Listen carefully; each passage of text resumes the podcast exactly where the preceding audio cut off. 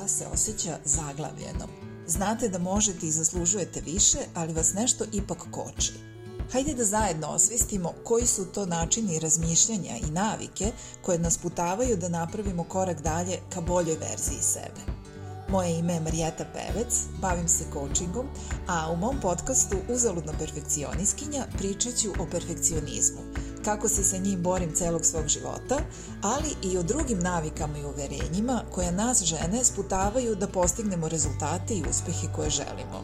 Pridružite mi se u ovom istraživanju sebe, da zajedno otkrijemo šta nas putava, a šta ispunjava, šta nam odmaže, a šta pomaže, šta nas spotiče, a šta podstiče.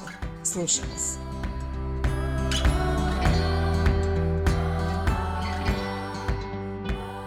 Zdravo, drage moje.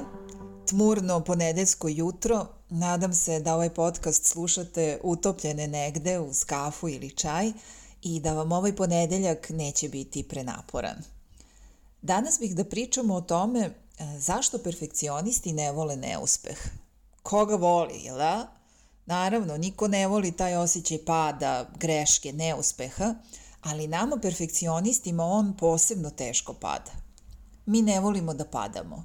Ne volimo da eksperimentišemo, isprobavamo, mi volimo da nam nešto uspe iz prvog puta. Da smo odmah dobri u tome, da nam recept uspe iz prvog, da čim stanemo na skije mi proskijamo. Da kad izađemo na Instagram da sve odmah bude profesionalno utegnuto, da nema da fali. Ako nam nešto ne krene odmah dobro, ako se naš proizvod ne prodaje odmah, Ako moramo sto puta da padnemo pre nego što naučimo dobro da skijamo, ako treba neko jelo deset puta da napravimo iznova i iznova dok ne ispadne kako treba, ako je potrebno više od tri ili šest meseci da bi se nešto pokrenulo i zavrtelo, mi odustajemo. Nije ovo za mene. Preteško je. Ja ovo ne umem. Očigledno nemam dara. Probala sam, ali eto, nije uspelo. Ali nismo probali. Ne zaista. Za uspjeh je potrebna upornost, istrajnost, strpljenje. Potrebno je da ti nešto sto puta ne uspe pre nego što najzad uspe. Mnoga vrata će ti se zalupiti pred nosom pre nego što se jedna otvore. Potrebno je da nastavljaš da radiš i ulažeš i kreiraš, čak i ako nema odmah rezultata koje si ti očekivala. A za nas je to preveliki rizik previše izloženosti kritici, suviše padova, prevelika mogućnost da od toga ne bude ništa. Mi se već mnogo šibamo, svaki potez i odluka se preispituju po sto puta, konstantno se gonimo da sve uradimo kako treba i na vreme, ulažemo ogroman trud i energiju. I šta ako od svega toga ne bude ništa? Šta ćemo onda? Raspašćemo se pod teretom krivice, tog unutrašnjeg glasa koji neprestano zvoca, znala sam da će ovako da bude. Ja sam ti rekla da se ne zanoštiš takvim idejama. Šta ćeš sad bez posla i novca? Kako si mogla ovako nešto sebi da dopustiš? Zato se perfekcionisti ne usuđuju. Ne zato što nemaju hrabrosti ili kapaciteta, discipline, kreativnosti ili posvećenosti, već zato što taj slom posle neuspeha ne mogu da podnesu. A ko bi mogao? Ko bi mogao da se nosi sa takvim unutrašnjim kritičarem? Ko živ bi mogao da zadovolji te nemoguće visoke standarde? Ko ima snage da se konstantno izlaže toj bujici sumnje, kritike, nezadovoljstva, ispitivanja, večitog podizanja letvice za još jedan stepen, pa još jedan, pa još jedan? Gde je tome kraj?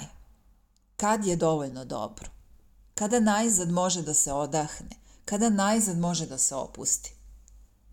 Zato mnogi od nas reše da i ne probaju, da se drže zone poznatog, da ne izleću mnogo iz kalupa, jer tu barem imaju malo mira, malo sigurnosti, tu je taj glas malo tiši.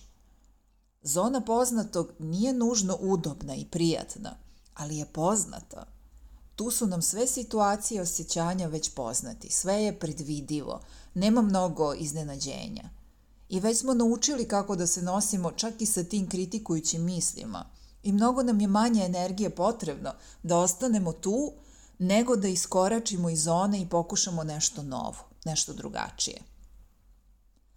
Zato pre nego što gurneš sebe izvan zone komfora, pre nego što pred sebe postaviš neki veliki izazov ili cilj, proveri u kakvom si odnosu sa svojim unutrašnjim kritičarem. Da li si ga dobro upoznala, razumela i prihvatila? Da li imaš alate da mu kažeš, hej, hvala ti za brigu, ali možeš sada da odmoriš, ja sam za volanom, znam šta me čeka i mogu sa ovim da se nosim. Da li si u stanju da kad počne da zvoca i pritiska da mu kažeš ajde idi sedi malo tamo u ćošak i ćuti, lebati. Ili da ga utešiš kad upadne u paniku i krene da izlistava najcrnja scenarija. Ako to možeš, svaka ti čast. Veliki si posao uradila i spremna si za nove izazove. A ako nisi još uvek spremna, i to je okej. Okay. Daj sebi vremena, razumevanja, empatije. Postoji razlog zašto taj unutrašnji kritičar postoji. On ima svoju ulogu u tvom životu koja nije samo da goni i šiba, već i da štiti. Kada si bila mala, on te verovatno štitio od neprijatnosti, blama, bola, odbačenosti. I to je dosta uspešno radio. Međutim, u toj silnoj želji da te zaštiti od padanja, stvorio je u tebi veliki strah i brigu toliko da nekada nisi voljna ni da probaš samo da ne bi pala. A danas, odrasla ti, zna da je u životu potrebno mnogo puta pasti da bismo došli do onoga što želimo i sada ti treba da prevaspitaš tog svog kritičara, da umesto da te štiti od pada, da te pusti da padneš. A onda da bude tu da ti pomogne da ustaneš, da te ohrabri da ideš dalje. Drugim rečima, da od kritičara postane mentor. Kreni polako da se upoznaš sa svojim kritičarem. Pokušaj da razumeš zašto je tu i od čega te štiti. A kada budeš razumela njega, razumećeš i sebe.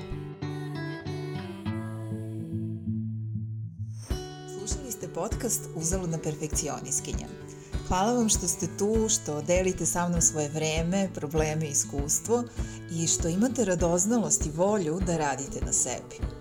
Ovaj podcast možete pratiti na podcast platformama poput Spotify-a i Google podcasta, a svi linkovi su u opisu ove epizode. Ukoliko ne želite da propustite sledeću epizodu, možete me zapratiti na podcast platformi koju koristite. Pozdravljam vas do naredne epizode.